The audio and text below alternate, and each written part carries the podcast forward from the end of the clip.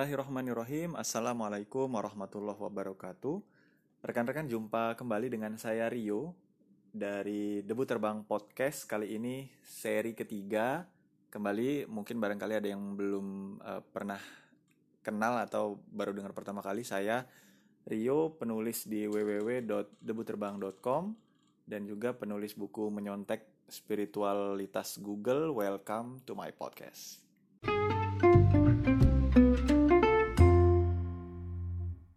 Oke, apa ada di antara teman-teman yang anak ITB? Kebetulan di podcast kali ini saya pengen mengambil uh, ilustrasi contoh dari uh, eh, ITB ya. Eh, nggak jadi ding, uh, ini aja, Unpad aja. Karena saya lulusan Unpad, jadi contohnya Unpad aja ya, nggak jadi ITB. Oke, uh, premis pertama.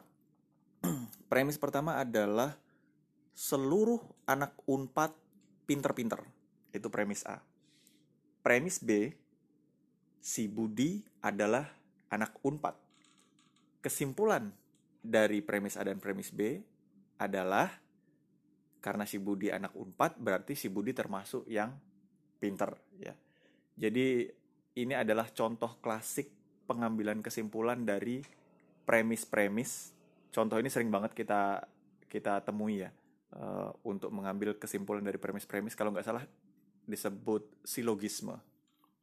Nah, yang saya pengen ceritain adalah bahwa dalam satu sisi kita belajar agama, keberagamaan kita, salah satu sisinya itu yaitu fikih adalah punya kaitan dengan premis-premis ini. Fikih itu eh, kalau kalau boleh dianalogikan mirip dengan kita belajar premis-premis, belajar cara mengambil kesimpulan dari berbagai macam premis-premis. Dan ini penting ya, penting banget uh, karena kalau kita nggak bisa mengumpulkan banyak premis yaitu data ya, data-data berupa hadis-hadis misalnya ya.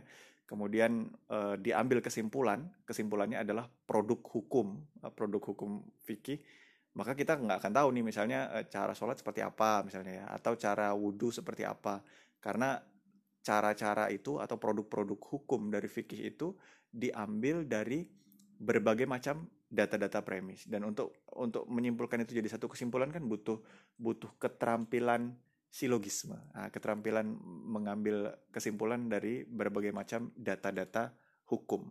Itu yang dipelajari dari uh, fikih. Menarik banget. Tetapi ada tetapinya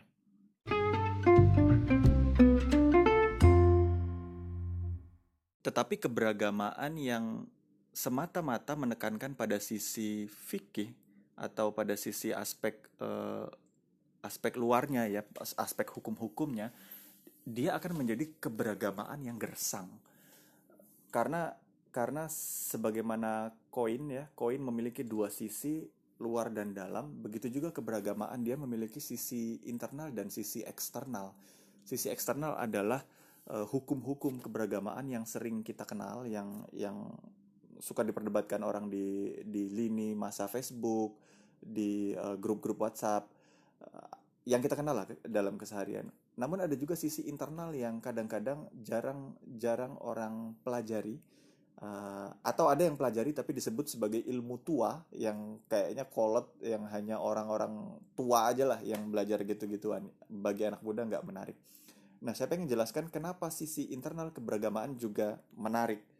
Contohnya saya ada ada cerita pada waktu saya masih masa-masa SMA kelas 1 kalau nggak salah. Saya sedang uh, tertarik banget untuk mempelajari uh, debat fikih dalam dalam keberagamaan. Waktu itu ada satu buku peninggalan kakek saya, buku yang sangat tebal, uh, buku tanya jawab dari Ahasan ya. Ahasan adalah beliau salah satu tokoh yang sangat saya kagumi, tokoh dari Persatuan Islam Bandung. Kalau nggak salah beliau juga salah satu orang yang sempat menjadi tutornya Bung Karno pada saat uh, Bung Karno belajar Islam ya surat dalam surat menyurat dari ND katanya di situ disebutkan bahwa Bung Karno dan Ahasan sempat melakukan korespondensi di mana Bung Karno belajar dan tanya banyak tentang agama kepada Hasan. Beliau memang luar biasa. Jadi menjelaskan tentang tentang uh, fikih luar biasa. Saya nggak nggak paham banyak tentang tentang itu, cuman saya tahu sedikit garis besarnya aja. Di mana penjelasan beliau sangat memesona bagi saya waktu itu. Saking terpesonanya saya, saya lalu menganggap bahwa keseluruhan keberagaman itu adalah tentang hukum-hukum fikih itu. Jadi suatu hari saya berbekal bukunya Ahsan itu, saya pengen menghardik imam musola di di ini di tempat saya tinggal. Sorry, imam masjid ding, bukan imam musola. Saya ingin menghardik imam masjid itu karena imam masjid itu mempraktekkan kalau ada orang meninggal itu dibacain Al-Fatihah, doa Al-Fatihah. Jadi karena saya saya baru lagi hangat-hangatnya nih membaca di situ di mana pendapat yang dari Hasan itu itu nggak tidak berdasar sama sekali. Jadi waktu itu saya pengen langsung langsung saklek gitu langsung langsung wah ini imam masjid ini tidak benar saya pengen labrak aja waktu itu rasanya karena masih euforia banget ya uh, untungnya untungnya waktu itu saya malah dimarahin ortu saya dibilang jangan sok tahu kamu katanya dibilangin gitu akhirnya saya nggak jadi uh, apa namanya mendebat imam masjid. Meskipun pada waktu itu saya begitu dongkol dengan tradisi masjid yang tidak sesuai dengan dengan produk hukum fikih yang saya baca di buku itu. Tapi lambat laun eh, makin ke sini saya baru baru mengetahui bahwa ternyata eh, produk-produk fikih itu banyak sekali. Dan uh, saya sebenarnya bukan orang yang tepat untuk menjelaskan ini tapi uh, tapi contoh kekagetan saya pertama kali itu adalah pas saya sampai di Bandung saya kuliah di Bandung di situ ada masjid besar yang sangat terkenal yaitu Darut Tauhid dalam satu kajiannya disebutkan uh, bahwa dialek orang dalam membaca Al-Quran itu ada tujuh macam dialek besar. Sedangkan saya ingat waktu SMA, karena begitu begitu konservatifnya saya, saya bahkan menolak tawaran seorang guru agama untuk menghadirkan uh, tutor ngaji di di apa namanya di musola yang tempat saya dan rekan-rekan aktif menghadirkan tutor ngaji itu saya tolak karena cara mengaji beliau itu tidak sama dengan uh, dengan gaya ngaji tartil yang yang yang biasa dipahami pas kajian-kajian SMA lah gitu kurang lebihnya.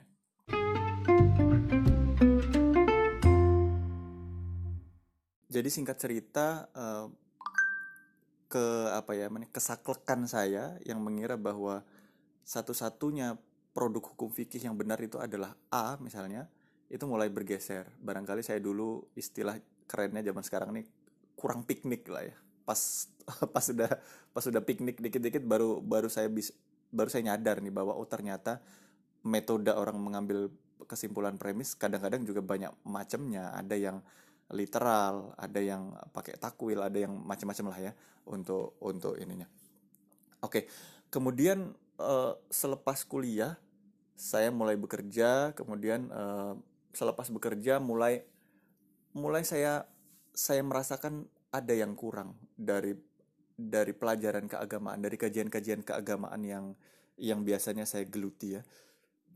Pelajaran yang kurang itu karena kajian-kajian keagamaan yang dulu saya ikuti, misalnya dari dari kajian politik pergerakan, kajian uh, apa namanya tentang fikih, itu tidak menjawab pertanyaan yang mendasar dalam hidup saya, yaitu uh, kenapa kok tiba-tiba saya ada di sini, kenapa saya kehidupan saya begini kenapa harus saya gitu dan macam-macam sebenarnya ini arah takdir ini mau ke mana gitu. Itu hal-hal yang begitu itu tidak terjawab oleh kajian-kajian yang yang semata-mata menekankan pada aspek luar keberagamaan. Mulailah saya melirik aspek internal keberagamaan ini aspek spiritualitas Islam. Yang dulunya saya kira spiritualitas Islam itu hanya spiritualitas spiritualitas Islam itu dulu saya kira tidak ada.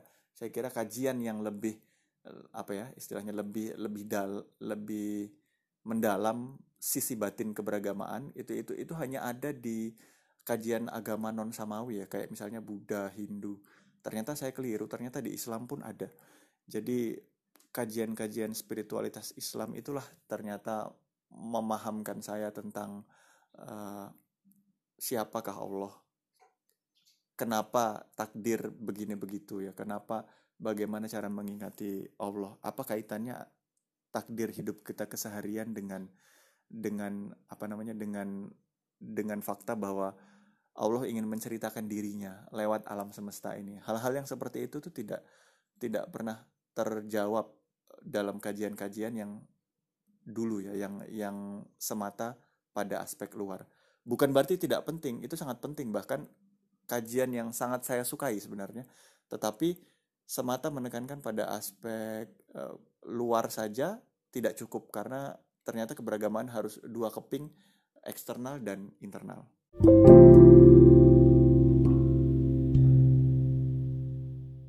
Tetapi kemudian ada euforia berikutnya ya. Jadi euforia pertama itu adalah saat mulai tertarik belajar keberagamaan, belajar beragama, kemudian saya mengira bahwa agama itu semata sebatas produk-produk fikih. Uh, produk fikih itu pun saya kira hanya sebatas uh, mazhab A saja misalnya ya. Kemudian baru nyadar bahwa ternyata ini bermacam-macam pendapat orang tentang fikih itu dipengaruhi berbagai macam hal pula latar belakang sosial budaya, tempat dan lain-lain. Itu satu. Kemudian mulai mengenal sisi internal keberagamaan, sisi spiritualitas keberagamaan dan di sini ada ada euforia lainnya. Euforia lainnya itu adalah saat saya menyadari, oh ternyata ini yang selama ini saya cari. Karena banyak hal dijawab oleh oleh kajian uh, spiritualitas Islam saya merasa bahwa selama ini saya sudah ketinggalan kereta ibaratnya lalu saya harus mengambil langkah yang ekstrim langkah ekstrim itu misalnya adalah wah ini harusnya saya meninggalkan pekerjaan saya sekarang harusnya saya mendharma baktikan hidup saya untuk belajar keagamaan dan spiritualitas Islam gitulah intinya. Pokoknya sepertinya kehidupan yang saya jalani sekarang ini adalah keliru dan harusnya saya uh, banting setir um, banting setir belajar agama menghabiskan hidup saya untuk agama hal yang begitu gitu ke apa ya euforia ini baru tersadarkan setelah saya membaca sebuah buku eh, Lataif Alminan ya kalau tidak salah. Apa mungkin salah satu part dalam buku Al Hikam Uh, tapi saya kutipkan saja yang dari Lataif Alminan di mana diceritakan ada seorang ulama mazhab uh, punggawa ulama mazhab Maliki yaitu Ibnu Athaillah As-Sakandari. Beliau seorang ulama yang begitu terkenal karena kemampuan fikih yang mumpuni di mazhab Maliki, tetapi kemudian akhirnya dia juga belajar spiritualitas Islam karena uh, selama ini dia antipati banget.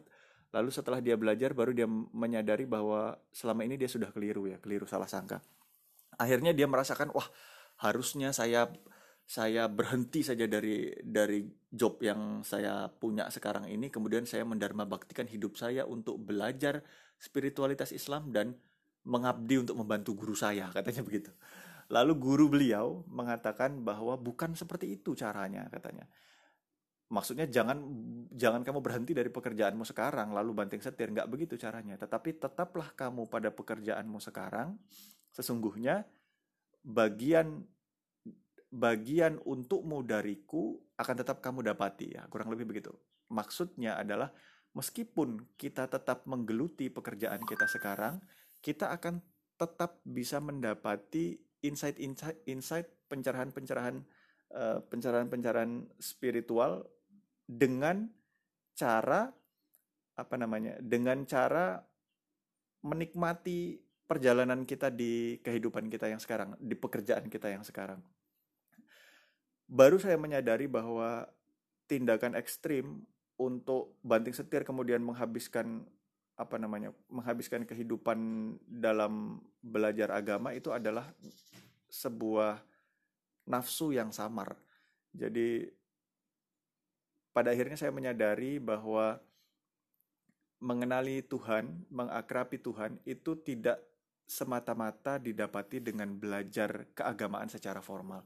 Seseorang bisa menjadi lebih spiritualis, menjadi lebih dekat dengan Tuhan meskipun dia mendharma baktikan hidupnya dengan menjadi dokter misalnya. Kemudian seseorang bisa bisa bisa juga spiritualis dengan menjadi supir angkot misalnya. Karena tidak semua orang harus menjadi ulama, tidak semua orang harus menghabiskan hidupnya mempelajari uh, tentang hadis-hadis misalnya untuk itu. Karena ada porsinya masing-masing. Tidak semua orang harus jadi ulama, tidak semua orang harus mengakrapi kitab kuning, tidak semua orang harus menghabiskan berpuluh tahun hidup di pesantren. karena setiap orang sudah punya relnya sendiri-sendiri, sudah punya kontribusinya masing-masing dalam kehidupan. Kalau semua orang banting setir kemudian lantas jadi ustadz ya repot, nanti hidup tidak berjalan. Tetapi poinnya adalah kita tetap harus belajar aspek luar keberagamaan, aspek fikih. Kita belajar sampai pada tataran tertentu kita mengerti bagaimana cara mengaplikasikannya dalam hidup.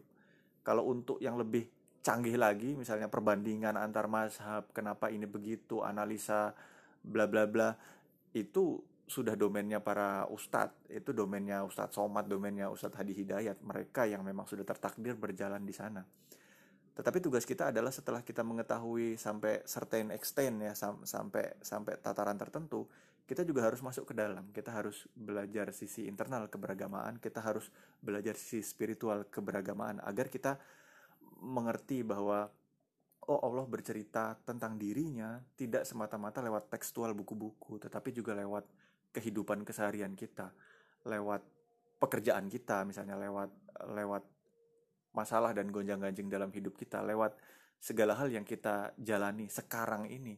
Jadi setiap orang punya kans yang sama untuk mengakrabi Tuhan. Apakah dia seorang pendosa, koruptor, penjudi, atau dia seorang dosen Eh, seorang polisi, tentara, apa pun, apa pun pangkatnya, apa pun profesi dia, seperti apa pun jalur rel kehidupan dia, setiap orang punya jenaknya sendiri untuk mengakrabi Tuhan.